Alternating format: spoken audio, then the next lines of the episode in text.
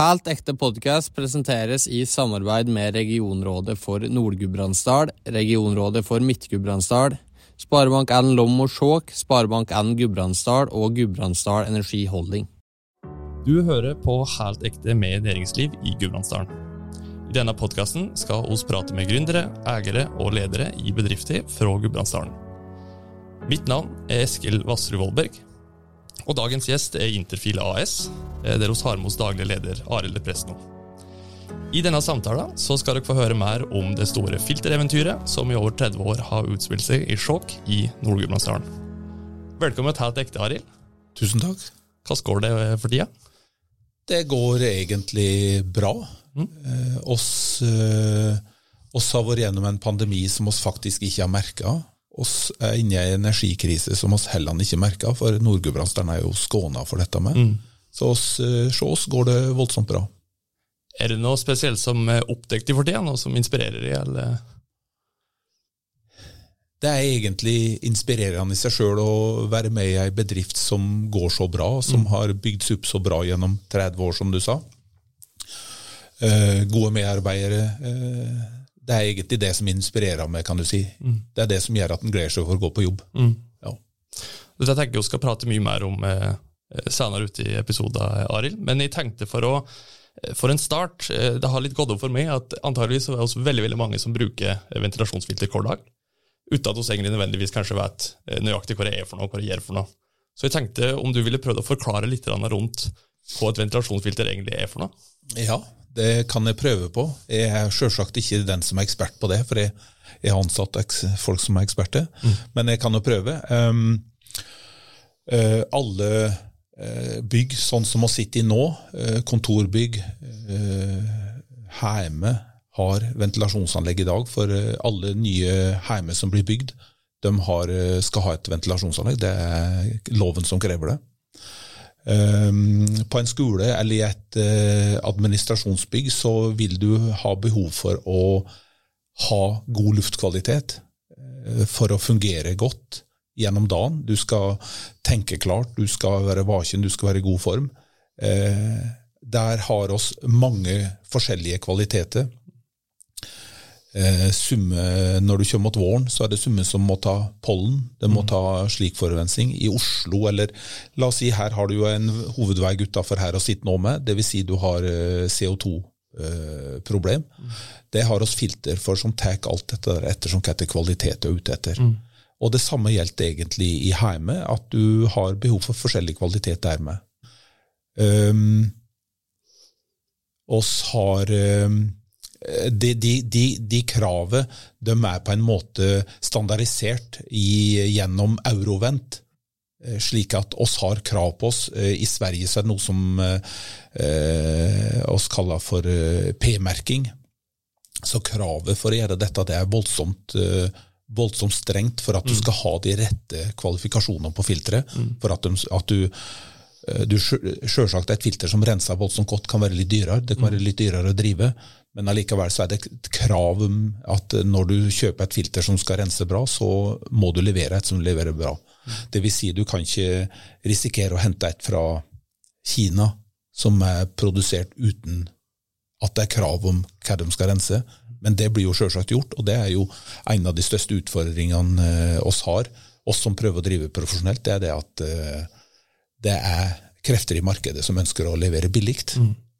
Og da må vi prøve å fortelle hvor viktig det er med kvalitetsfilter, som kanskje koster litt mer, men som renser all den lufta som, som du, du, skal ha inn i huset eller i bygget, for å ha veldig god luftkvalitet. Mm.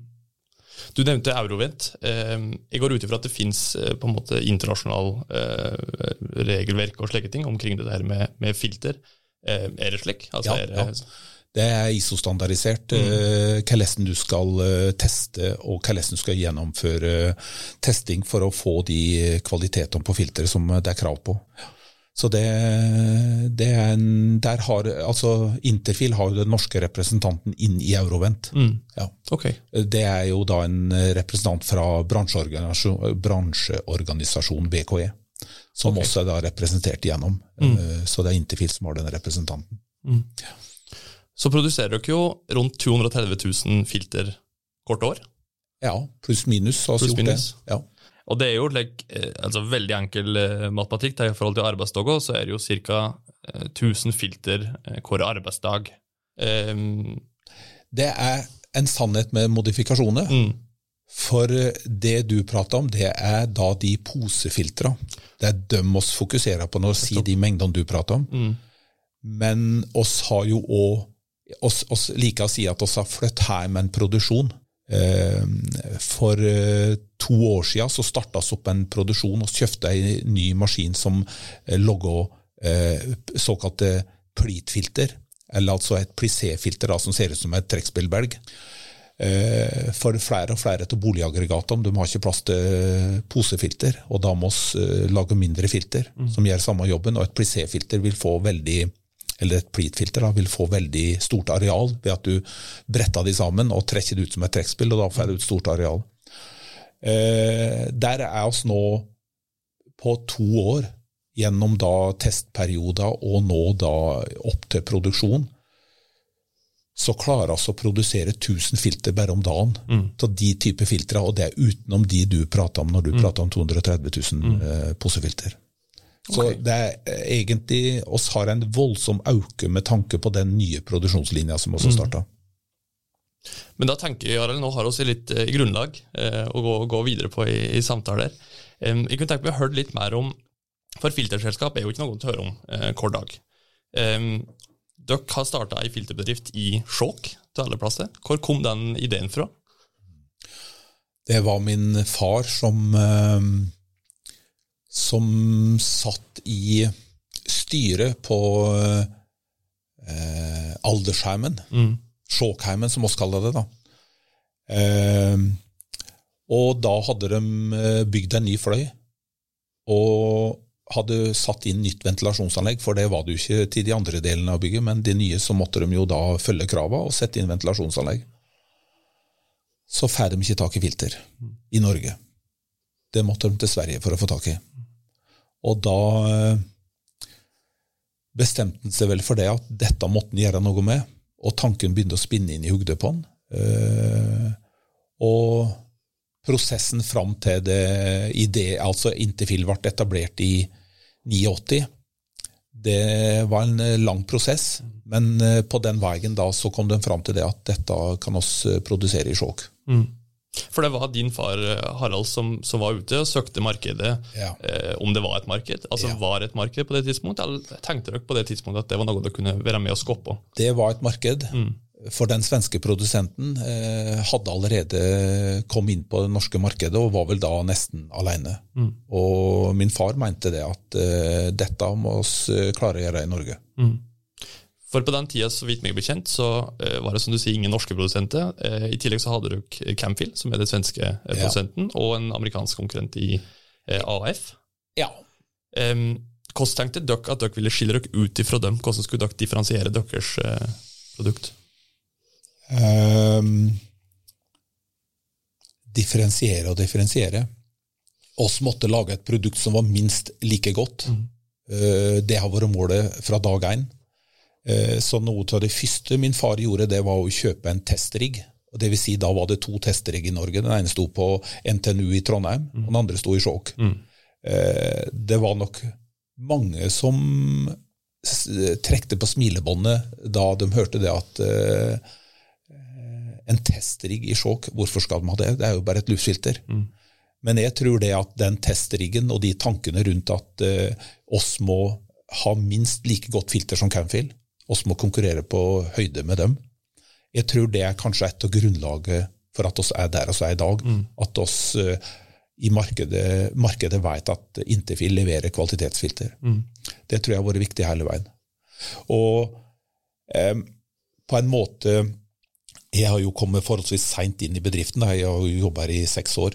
Men eh, i den tida som har vært, og den konkurransen da, som har vært mellom Camfield og Interfield, den har vært hjelma sunn for både bedriftene. Camfield er jo i dag eh, et multinasjonalt selskap, og Interfil er et nasjonalt selskap, så det sier jo litt om forskjellen. Men den veien Interfil har vært med fram dit, det har jo vært en konkurranse der eh, for, forskjellige aktører har jo lagt ut konkurranser og testa filtra, og Interfil og Camfil har faktisk vært vinnerne annenhver gang framover. Så også, det har vært en ordentlig konkurranse som har vært tilspissa hele veien. Er det også noe med dette her at oss er jeg liker jo å tenke at oss i Norge har ren luft. ikke sant? Jeg vet dere markedsfører går med dette med ren luft fra Skjåk. Har det noe med det òg? At vi kan ha en svensk og norsk produsent som er såpass store på det internasjonale markedet i internasjonal målestokk? da? Eh, ja.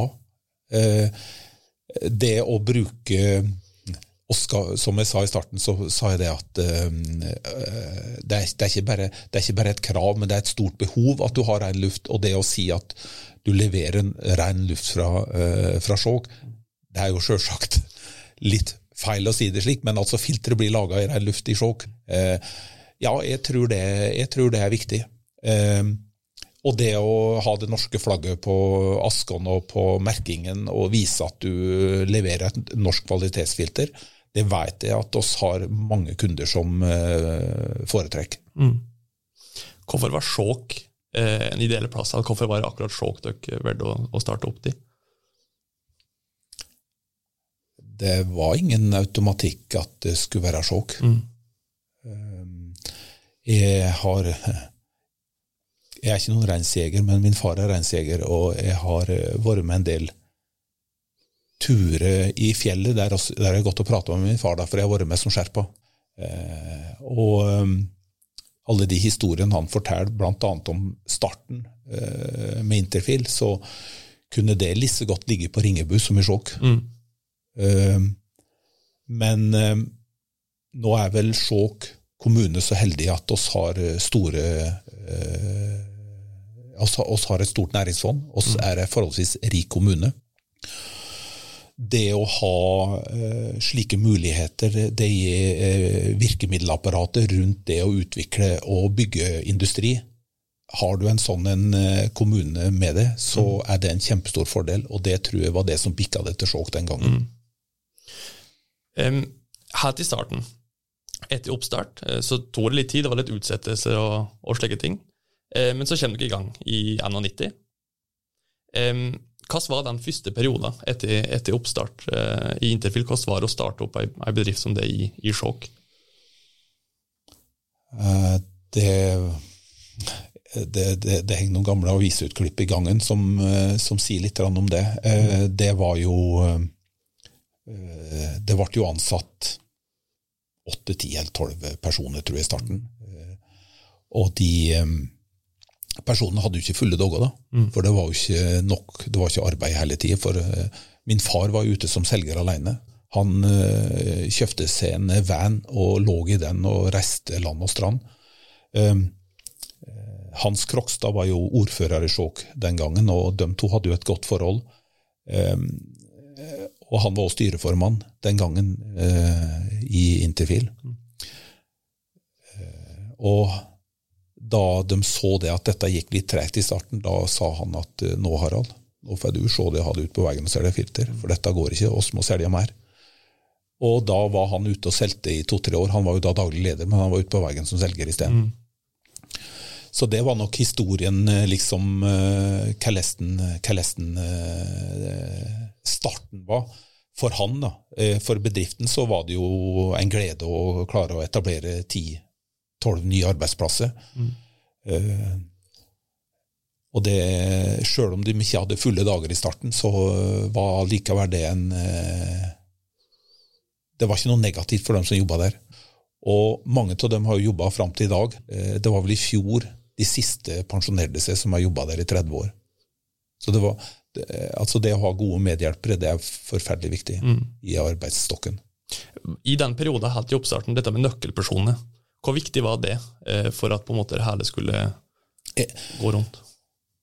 Forferdelig viktig. Mm. Eh, du har jo Alfred Sperstad, som var, som var den tekniske medarbeideren som han fikk med seg. Han var jo ansatt i samme bedrift som min far da de begynte å tenke på dette her. Eh, og han var jo da ingeniør og tekniker innenfor eh, elektronikk, men det var ikke så vanskelig å dra det over på filter, for filterteknikk og luftteknikk det, det er veldig likt.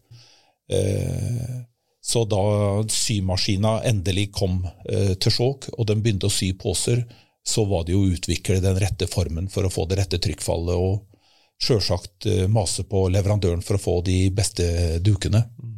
Og det er jo en kamp som foregår fortsatt. Mm. Men Alfred har nok eh, vært en viktig person inn mot, inn mot det med kvalitet, og få til, den, uh, få til de løsningene som er i dag. Det er det det blir, det, det blir tufta på på Interfil i dag. Det Alfred den gangen mm. var med og utvikla, ja. Um, disse første åra som du nevner, gikk det jo uh, med tap. Altså Det var negative resultat. Og så etter, fra og med 1994 og fram til i dag, så har dere eh, ikke bare hatt positive resultat, men dere har vokst veldig veldig jevnt og trutt. Um, I 94 så hadde dere ca. 15 millioner i omsetning. I dag eh, står dere til rundt 140. Um, tenkte dere til gjengjeld på noe tidspunkt helt i starten at dette går ikke, nå gi oss opp? på en måte? Uh, nei, det tror jeg ikke.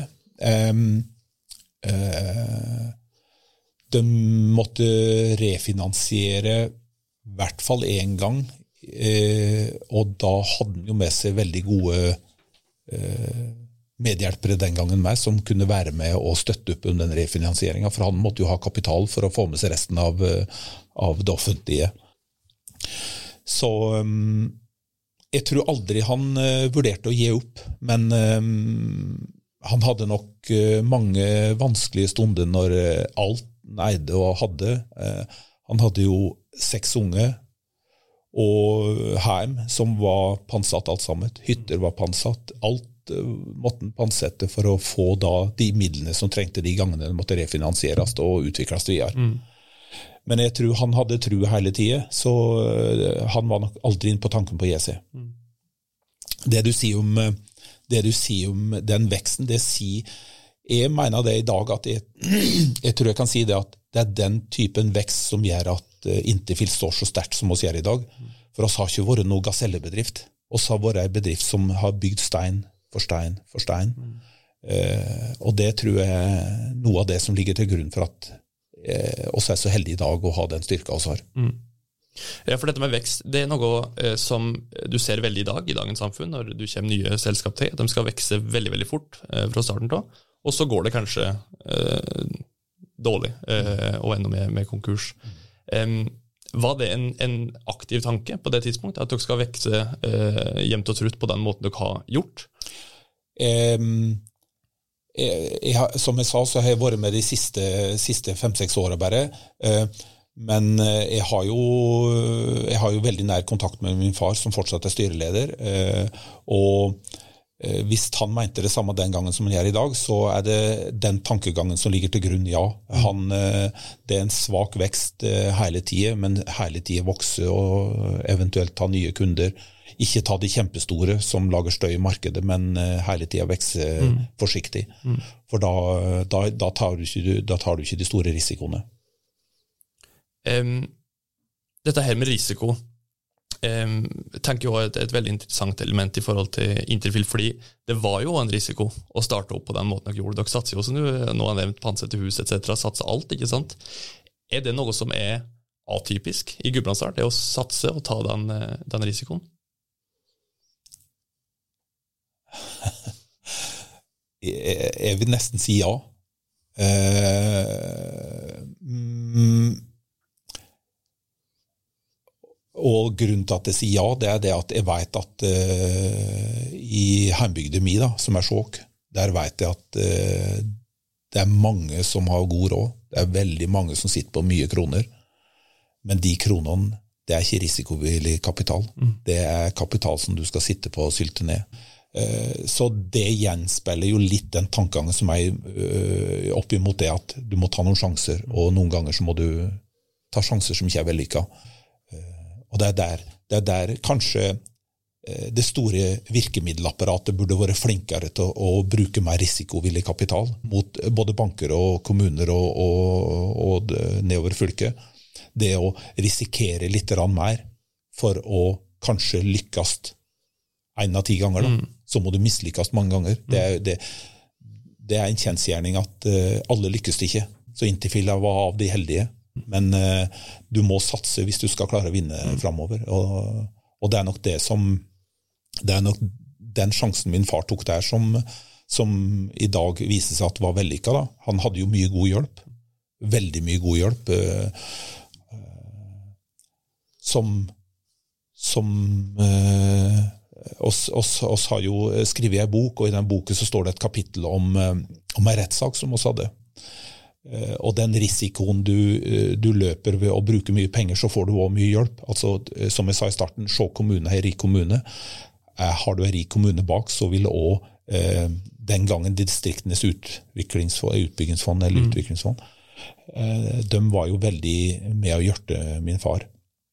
Og hvis du ikke tør å satse, da får du ikke mer av dem heller. For det er ikke dem som skal risikere, de skal legge til rette for at folk kan utvikle noe. Men du er avhengig av god hjelp. Men du må risikere en del sjøl. Du nevnte den rettssaka eh, som var. Hva var det som skjedde eh, der? Eh, min far var med i politikken eh, og havna vel på fylket i Ja, han var i hvert fall i samferdselsutvalgene på fylkestinget. Eh, og da hadde han òg gode kontakter. Han begynte å lære seg systemet. Han begynte å kjenne folk. Han visste hvor han skulle søke etter midler. Dette var det ikke alle som likte, så det var vel eh, noen eh, i nabobygdene nedover, et godt stykke, ikke til de nærmeste, som eh, begynte å komme med noen kommentarer som da Trygve Hegnar den gangen fikk tak i, som gikk på det at min far skulle ha tilgang på midler som han kanskje ikke var rettmessig til. Og dette skriver han da i Dagens Næringsliv.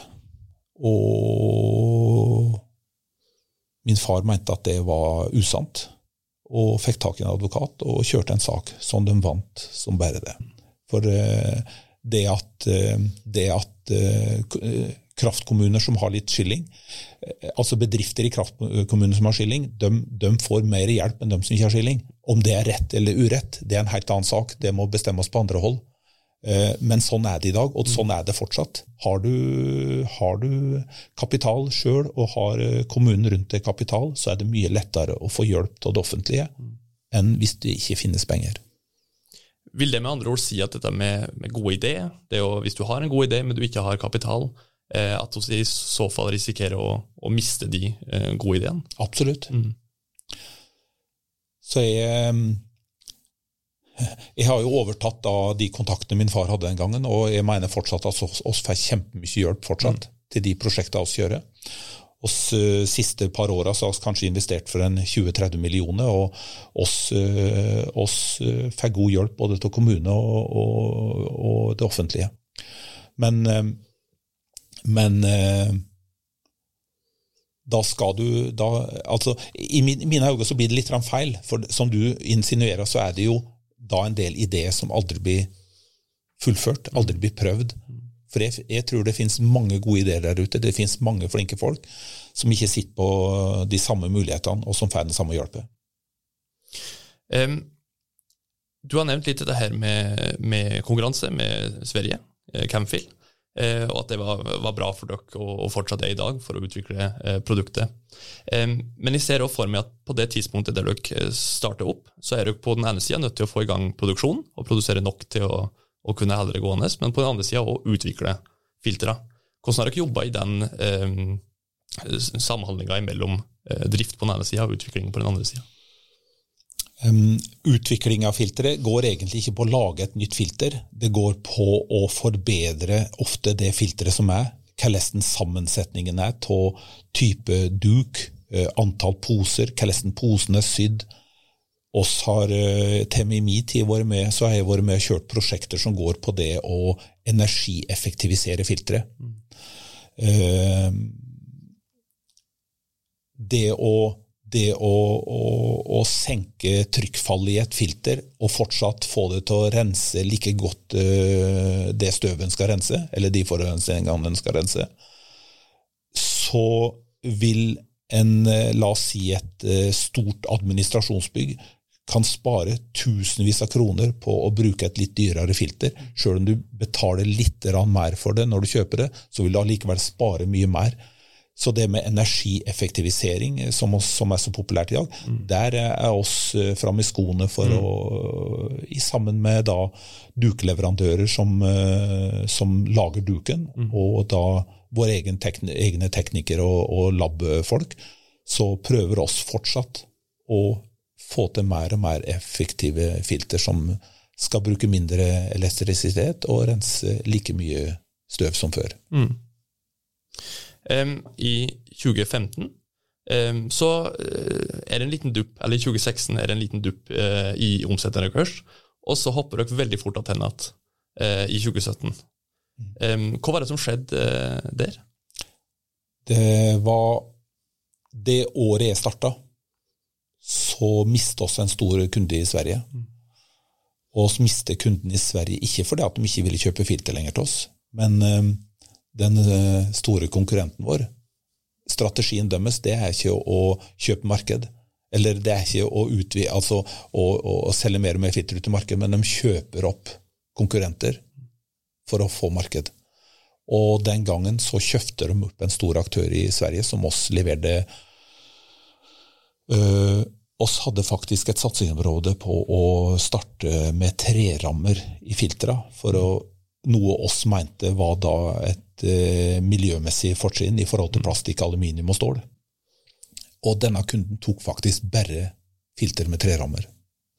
Så det var et sånt stort eh, det var et sånt, eh, egentlig en stor satsing for oss, som egentlig bånd datt ut av. For der mistet oss da en eh, kunde til minst 15 millioner. Og det ble da den dippen.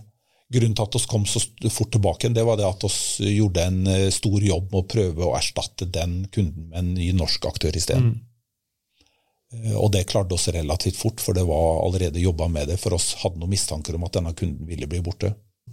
Eh, det var Vegard som den gangen var daglig leder, og han fungerte vel også som salgssjef. Eh, han eh, var, har et veldig stort kontaktnett og fein veldig mye opplysninger, så han, han, var egentlig klar over at noe drev og skjedde. Mm. Så vi fikk vært ute i tid. Men sant, eh, Rom er ikke bygd på en dag, så det, tar, det, er ikke så fort å få tak i en stor kunde. Men det klarte oss den gangen der. Mm. Veldig veldig imponerende. Men, men, det er det jeg sier det, om, de, om, den, om den trappvise økningen vi også har hatt.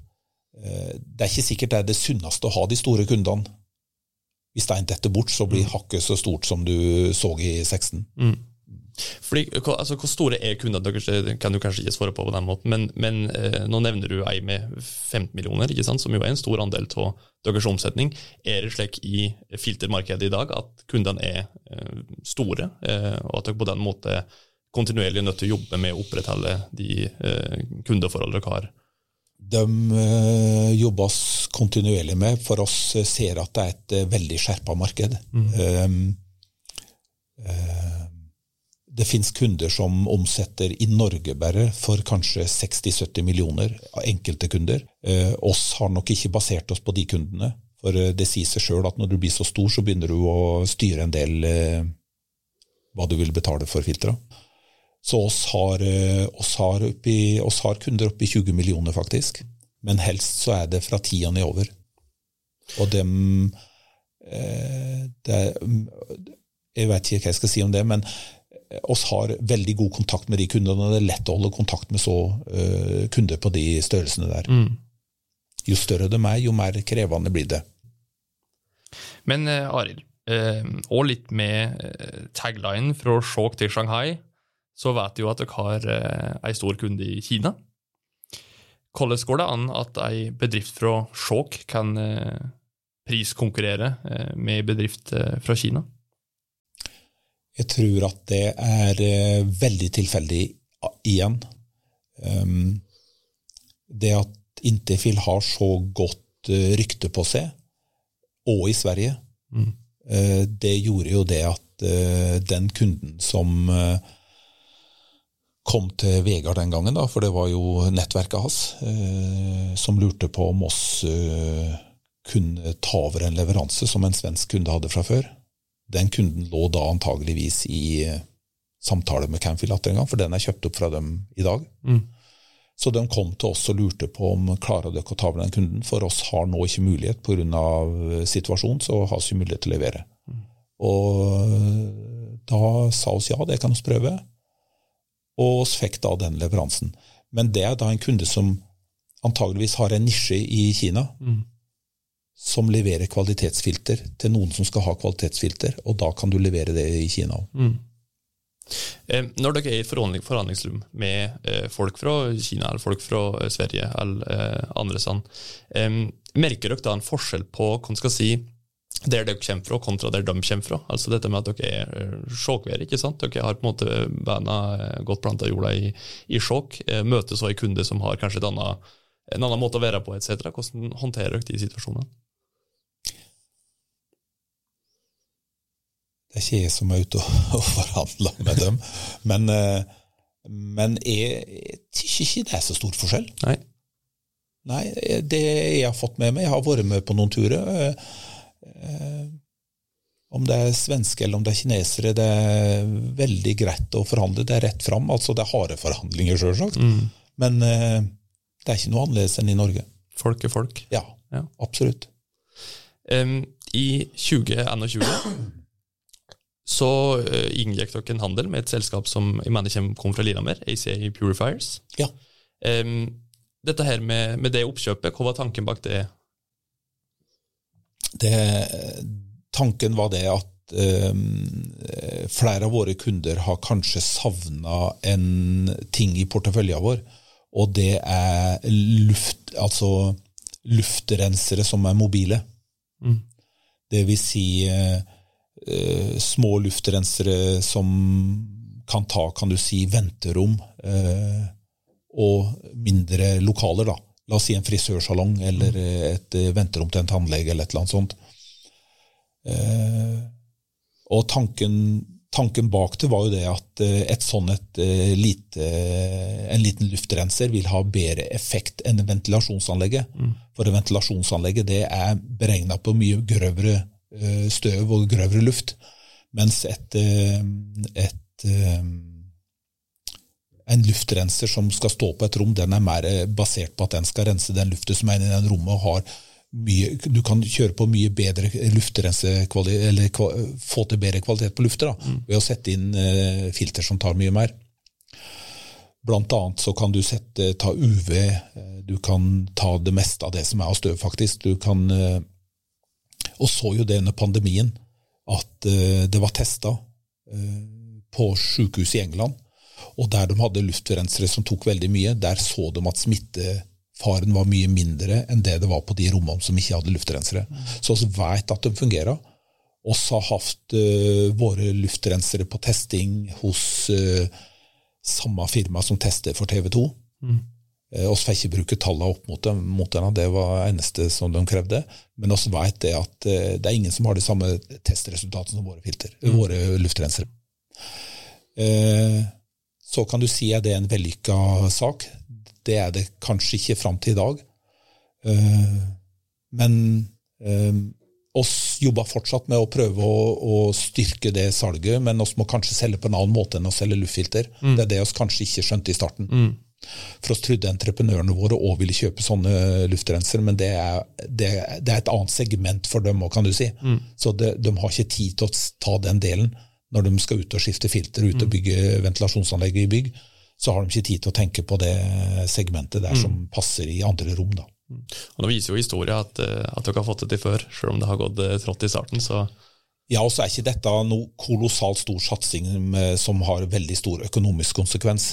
Så det er egentlig for å se om oss klarer å tette den mangelen da i porteføljen til entreprenørene våre. Em, Men det med et oppkjøp, da, den strategien, er det en videre strategi som dere tenker i, i Interfil? Nei. Og jeg kan si det at oss har forespørsler på å kanskje gjøre slike ting, men oss, eh, det er ikke strategien vår. Um, hvis en skulle reflektert litt over den reisa dere har vært på, fra eh, 1989 og, og delvis fram til i dag, hva er forskjellen på Interfil da kontra eh, slik det er i dag? Oss er sikkert, eh, også har sikkert lært kolossalt mye på den reisa. Det der med å være blåøyd og ny i markedet til det å være kanskje ekspert og være på topp i markedet og kan forhandle med de største. Du kan konkurrere med de største. Oss, oss gjør det i dag, og oss konkurrerer godt med dem. I hvert fall der vi er interessert i å konkurrere. Så det er nok uh, kanskje den største forskjellen fra den gangen til i dag. Uh, hvis du ser på byggmassa, så starta vi vel opp med en hall på en 700-800 kvadrat mm. og et administrasjonsbygg ved sida av. I dag så disponeres 15 000 kvadrat. Uh, det var kanskje en Det var kanskje Altså, den ekspedisjonen som sender ut filter, de, eh, fra ei lita ro i enden av en hall, så sendte de altså ut kanskje 1500 colli om dagen, altså fylte kanskje mm. halvannen lastebil. Mens i dag så har de en stor hall med, med sluser som de kan styre ekspediteringa mye bedre. Mm. Eh, plassmangel har oss ikke pga. det at vi har utvida slik som vi har gjort. Så du kan si den gode økonomien som oss har i ryggen, med den jobben som har vært gjort opp gjennom tiden, ligger nok til grunn til i dag at oss, uh, oss er så heldige at oss har mulighet til å utvikle oss videre. Um, du nevnte det litt innledningsvis, dette her med at er, dere hadde noen medarbeidere nå som har jobba i Interfil i over 30 år. Hvorfor er Interfil en så god plass uh, å arbeide? Godt spørsmål. Uh, og jeg håper det at, eh, at, det er fordi at oss, eh, at oss behandler folk eh, bra. At de føler seg sett, at de føler seg godt behandla. Jeg tror ikke jeg kan si noe annet enn det. Og det er jo en jobb oss må drive med framover, det å investere i folk, det å investere i å ha et godt forhold til alle, i mm. alle nivå, fra det høyeste til det laveste. Og, og, det er jo ingen som er viktigere enn noen andre. Hvis, du, hvis et ledd faller bort, så, og at du sliter på ett ledd, så sliter jo hele bedriften. Mm. Så jeg tror det å investere til folk, det er investere til medarbeiderne våre, det tror jeg er forferdelig viktig og bør, bør ha en høy prioritet. Mm i forhold til dette her med, eh, med videre vekst. Vi eh, har prata litt om det her med oppkjøp, vi har prata litt om den måten dere har vokst på eh, fram til i dag. Hvordan vokser ei bedrift som Interfil videre eh, fra her? Er det å gå inn i den grønne omstillinga? Eh, er det å fortsette på den måten dere har eh, gjort i, i, i, lang tid, vokse stand på stand? Jeg tror alle, altså alle unntatt det med oppkjøp, så tror jeg det grønne skiftet det må være bærekraftig i alle ledd. Eh, det vil bli viktig framover, og det er jo en slags investering vi gjør inn i framtida. Mm. Um, disse FNs uh, bærekraftmål, der må jo der er vi jo pålagt, akkurat som alle andre, at oss må, oss må bygge stein for stein dermed. Dvs. Si at uh, hvis ikke produksjonsarbeideren har et forhold til det med bærekraft, mm. da har egentlig ikke bedriften heller et forhold til bærekraft. Mm.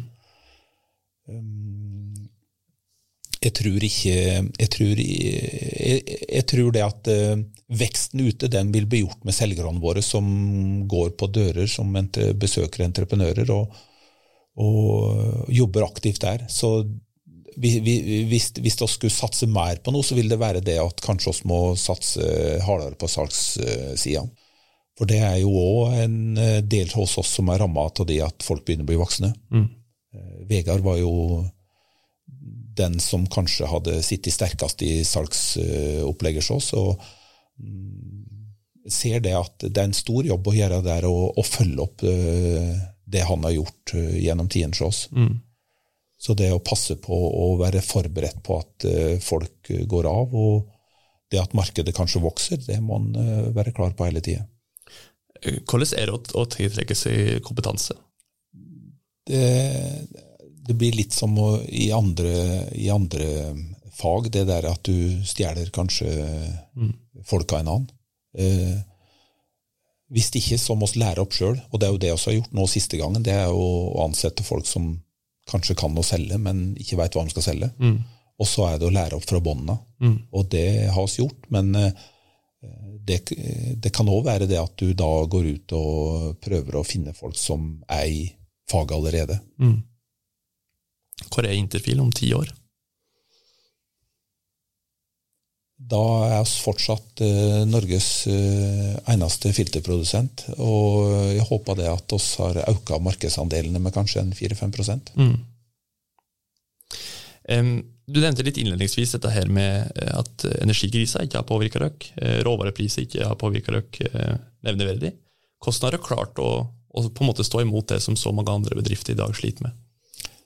Det har påvirka oss, men altså oss, det har ikke påvirka oss i den eh, grad at oss sliter med det. Mm. Men eh, energikrisa i Tyskland eh, Jeg kan jo bare si eh, et, et, lass med duk i juli i fjor, det hadde dobbel pris. Mm. Det å skal betale én million for det koster halvannen million, mm. så det påvirker oss. Men oss er, som jeg sa, oss er såpass eh, oss, oss har stoppa, såpass sterk ryggrad at oss tåler slike svingninger, men oss må jo da sjølsagt eh, ha en prisstigning som om den ikke følger helt Altså når, når variasjonene er fra måned til måned, mm. så klarer du Du kan ikke legge på prisen ene måned og sette ned neste og opp igjen eh, tredje måned. Mm. Eh, så det påvirker oss, men det, det påvirker ikke oss slik at, eh, det er, det, at det er synlig, kan du si, for det offentlige øyet. Og ser jo at ting påvirker oss i regnskapet og i årsrapportene, så, mm. så klarer vi å se det at det er noe som skjer. Men det påvirker oss ikke så sterkt at, at, det er noen fare for oss.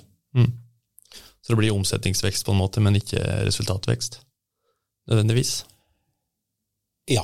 Mm. Um, vi har prata litt om dette her med Skjåk som eh, industribygd. Og det tenker jeg er veldig naturlig, fordi at historien om Interfil henger jo veldig i hop med eh, som, i, i den utviklinga Skjåk har vært fra ei landbrukskommune til å være i dag kanskje mer ei industrikommune. Hva med det du har vært det aller aller viktigste for at Skjåk og dere har fått til det som så mange bygder og kommuner rundt omkring i Norge eh, ønsker, men kanskje ikke får helt til? Jeg tror det som jeg har eh, kanskje sagt litt om, det der med når det finnes kapital i bygden. Når eh, det er jo flere enn min far som har uh, risikert ting i Skjåk. Uh, og når hjelpemiddelapparatet ser at kommunen er med og bidrar, mm. så bidrar hjelpemiddelapparatet, eller virkemiddelapparatet. Det, det, det, det, blir mer effektivt. Og jeg tror at Skjåk har hatt en stor fordel der. Pluss at det har vært flinke folk òg i kommunen som har vært med og jobba i samme industri. Og Da er du jo litt inne på det her med nøkkelpersoner. Eh, ikke sant? Både innad i Interfil, men også eksternt i form av kommune og slike ting. Hvem er det som inspirerer deg? Jeg vil si det at uh, Jeg har egentlig ikke veldig mange forbilder, men når jeg ser rundt meg der jeg jobber i dag, i, uh, i, uh, i Interfil Det å ha gode, kvalifiserte medarbeidere rundt seg, bygge opp, en, bygge opp en stamme som da naturligvis blir byttet ut gjennom alderssammensetning, og, og at folk går av og ønsker seg andre jobber. Det å bygge opp noe nytt, det å, det å se at du får til, at du får med gode medarbeidere som du ser virkelig at, at, at det, det, er vellykka det du driver med. Mm. Det, jeg syns det i seg sjøl er inspirerende. Det å ha folk rundt seg som du kan stole på, som du ser gjør en god jobb. Og da er det som jeg sa i stad, det er fra produksjonsarbeideren til økonomiarbeideren. Det er viktig med sammenknytta ja, base. Ja, ja, ja, ja. Um, og så har vært litt inn på dette her med, med eh, arbeidere, som du nå sier. Eh, men nå går jo inn i en tid der automatisering eh, i større og større grad, teknologi blir utvikla. hvordan ser du for deg at det kommer til å se ut om, om noen år i forhold til filterproduksjon? Jeg, jeg både håper og tror, og jeg tror det er veldig nødvendig, at oss får en høyere grad av automatikk, robotisering, mm. eh, pga. det at oss blir tvungne til å holde prisen nede. Men det sier ikke det samme at oss skal ha færre arbeidsfolk om ti år, som du spurte om hva står det om ti år. Jeg tror kanskje oss ikke er så veldig mange mer ansatte, men oss skal ha en mye større produksjon. Eh, og for å produsere billigere. Og det, det er jo det du det, det, det, en ser og leser om i Norge i dag, at, at det blir henta hjem produksjoner. Og mye av de æra til de er jo til det at oss klarer eh, oss har miljøer i Norge som klarer å, å utvikle eh, produksjonslinjer som produserer varene billigere. Men ikke dermed sagt at det er færre arbeidere. Det må jo være målet at du øker produksjonen for å beholde arbeiderne. Um, hvordan finner du den balansen som eh, vil være mellom å presse prisene ned, samtidig som kvaliteten skal eh, i hvert fall ikke forringes, men, men kanskje også økes? Det, det, skal jo ikke ha noe å si. Som, som også sa, så uh, de kravene vi har uh, på kvaliteten, det blir jo testa daglig. Uh, så ser jo det at om oss klarer å automatisere, oss klarer å produsere billigere, så skal jo ikke eh, råvarene bli dårligere for det. Kanskje oss endrer råvarene, men de skal ikke bli dårligere. Så jeg, jeg ser ikke noe problem med det. Eh, og ser jo det at mange kunder, mange anbud ute, faktisk går veldig på pris. Men kravet som kommer nå framover, det der med bærekraft, det der med at uh, du skal EPD-merke alt du skal lage, det skal ha en historikk, du skal ha du skal ha disse PDA-ene, du skal ha alt skal være i orden for at eh, f.eks. kommuner, fylker, det offentlige skal kjøpe filter. Så må de kjøpe dem etter kravspesifikasjoner. Mm. Det er de kanskje ikke så flinke til i dag, men kravene blir sterkere og sterkere. Og da vil dette der som han sa den gangen, det vil bli enda tydeligere. Mm. Når du prater om disse kravene, hvordan jobber dere i den interaksjonen med dem som setter de kravene? Eh, har dere noen påvirkningskraft? Jeg tror ikke oss har veldig stor påvirkningskraft, men som jeg sa i stad, så samarbeider oss veldig mot bransjeorganisasjonen. Eh, og oss eh, har nå brukt et år nesten på å utvikle en EPD, eh, e altså en produktdeklarasjon som sier hvor miljøvennlig det, det produktet vårt er. Mm. Og ser det at oss har fått bra tall og troverdige, og oss får veldig skryt i markedet for at oss har kommet dit at oss har EPD-merka filter. Mm. Men det, det, det, skal jo ikke stoppe der, da. Mm. Eh, for du, som du sier, så vi, eh, altså, oss må jobbe videre med de kravene som kommer. Og oss vet det at eh, bl.a. det offentlige, og som er da en stor aktør i, hos oss, som kjøper mye filter, de setter òg krav hvordan de skal finne filtre, hvordan de skal se kvaliteten på det, og få dokumentasjon som de kan stole på. Mm. Ja. For Er det da dere sjøl som tester filteret? Blir det testa av De blir testa av både andre og tredjepart. Ettersom ja. hvilken, eh, hvilket år det er, så mm. kommer det representanter fra ned i Europa. Kommer til Skjåk eller Oslo, for oss har et lager i Oslo. Og så kan de plukke ut filter, og så reiser de. Og de filtrene blir testa da i Europa. Og så er det spørsmål om oss eh, klarer å sammenligne dem. Og så er vel en av de få som ikke har mista godkjenninga de åra som har vært med. Da. For du kan miste godkjenninga, og da må du kjøre et nytt løp for å få det godkjent igjen. Mm. Og så aldri fått noen klage på det. Okay. Så, og det er jo grunnen til Som Campfield er jo øh, slik som oss, de kjører jo testing akkurat likt som oss. Um, Interfil Aril, er en virksomhet som har gjort det veldig veldig bra eh, i Gudbrandsdalen. Og dere fortsetter å gjøre det bra. Jeg regner med at dere kommer til å gjøre det i, i, i lang tid framover.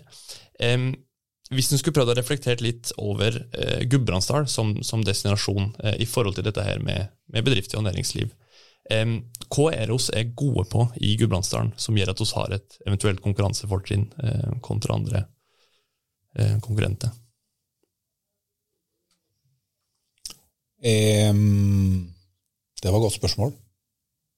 Jeg vet ikke om jeg har noe godt svar. Men uh, det jeg kjenner til, og det jeg hører om, er jo de vellykka bedriftene. Og når du prater med de folket som sitter i de bedriftene, så er det jo voldsomt solide folk som, eh, som, som dere sier noe om dere, som er visjonære. Altså, mm. de, har, de, har, gode tanker, de har vilje til å satse. De, eh, det, det, skal være noe guts i folk, og det er det til Gudbrandsdalen. Mm. Det fins folk der. Sjøl om jeg kritiserte kanskje den risikovillige kapitalen for å være veldig tilbakeholden, så fins det Og det er, det er, de som fins, som virkelig du ser godt. Mm. Men også har kanskje pratet litt om det men, men, det her med å legge til rette da, for de nøkkelpersonene som har en god idé, som har guts, som har drive, um, hvordan kan vi gjøre det? Jeg tykker jo det at eh, oss har, det har vokst opp ei slik det har vokst opp ei bedrift i Gudbrandsdalen nå som kaller seg for Skoppå. Mm -hmm. Eh, de har også kolossalt god erfaring med For det å gå til dem og få hjelp, det å få god rådgivning, for det, det er det som ligger bak. Jeg tror ikke kommunene kan stå for den gode rådgivningen. Det må være folk som kjenner markedet. Og har du en stor organisasjon som f.eks. Skoppå, så har de så mye kvalitet i mange ledd rundt omkring at spør du dem om en ting, så er det ikke sikkert den personen vet det, men de vet hva de skal gå og spørre om, om de råder. Og jeg tror det at hvis vi klarer å fortelle Gudbrandsdølen at eh, det er en bedrift som det går an å spørre, ja, det koster ikke noe å gå og spørre, ja. Det koster faktisk, Du skal drive veldig lenge før det egentlig koster noe. Og der er jo fylket med, kommunene er med, Innovasjon Norge er med, alle er med inn i den eh, bedriften. Og jeg tror at eh, det er der oss må, er der oss må sette inn støtet og bruke slike organisasjoner ut i bygden. sånn at For, for i, i, mange tilfeller så er det ikke bare penger. altså det, det, er ikke bare kroner og øre som skal til, det er god rådgivning. Du skal vite hvem kan jeg hente hjelp hva kan kan jeg få råd til å f.eks. gå videre med ideen min, som også som pratet om i stad. Alle disse ideene som ikke blir satt ut i, i livet. Jeg tror, eh, slik som Skoppo kan være en kjempegod hjelp til det. Mm. Så de bør oss profilere mye mer som et uh, virkemiddel inn mot uh, kommuner og, og, og, enkeltpersoner. Da blir jo naturligvis neste spørsmål hvordan uh, profilerer oss slike aktører? Nei, Det er oss som bruker dem, oss må være flinke til å prate om dem. Mm. Jeg er med i ei lita næringsforening i Skjåk, og, og det å, å fortelle Skjåkværene, som da er enkeltmannsbedrifter, små reiselivsbedrifter, om det så er landbruket, det å fortelle dem at det går an å gå til Skoppe og spørre om hjelp. Mm. Det koster ingenting. Gå og spør. Ta kontakt med dem. Mm. Jeg, tror det, jeg, tror det, kan være én vei. Og nå er det vel snart Skoppa-representant i hver en kommune, tror jeg. Mm. Som lærer i navn. Ja, mm. absolutt. Og det er mye god kompetanse i, oh. i Gudbrandsdalen. Det er det ingen tvil om. Um, hvis vi går helt tilbake til oppstarten um, og kanskje mer etter at du har starta som, som, daglig leder og blitt med i bedriften, Arild. Er det noe du vet i dag som du skulle ønske du visste eh, på det tidspunktet? Ja, kanskje det meste. Mm. Ja, det vil jeg påstå. Jeg har, jeg har hatt en bratt læringskurve. Jeg er jo utdanna innenfor energi, så jeg jobba jo i Skjåk Energi fram til jeg begynte i, eh, i Interfil. Mm. Uh, så jeg vil påstå at uh, den, det jeg har lært meg om uh, om å drive ei bedrift. Det har jeg lært meg på de årene jeg driver nå, men jeg har selvsagt, du tar jo med deg mye erfaring eh, fra der du har drevet. da. Mm. Men eh, læringskurva var bratt. Mm. Det vil jeg påstå. Mm. Du ble litt kasta ut i det? Ja. ja. Um, vi har vært litt inne på det, men, men, eh, hvis du i dag eh, skulle gi et, et godt råd eh, til en uh, ung Gudbrandsdal som, uh, som, ønsker å, å, starte opp noe eget, hva ville du sagt da? Da ville jeg nok uh, sagt enn det at uh, ta kontakt med noen gode rådgivere. Mm. Uh, gjerne forhør det hvis du kan treffe noen næringsdrivende som du ser har kanskje fått til noe. Gå og og prat med dem. Kan du få noen gode råd der? For som du sier, det der å drive i hop, det å støtte en annen, det tror jeg er viktig. Mm. Og, men, men jeg tror mange av de som du tenker på da, de, de vet ikke om egentlig at de kan gå og spørre folk. Mm. at du kan gå.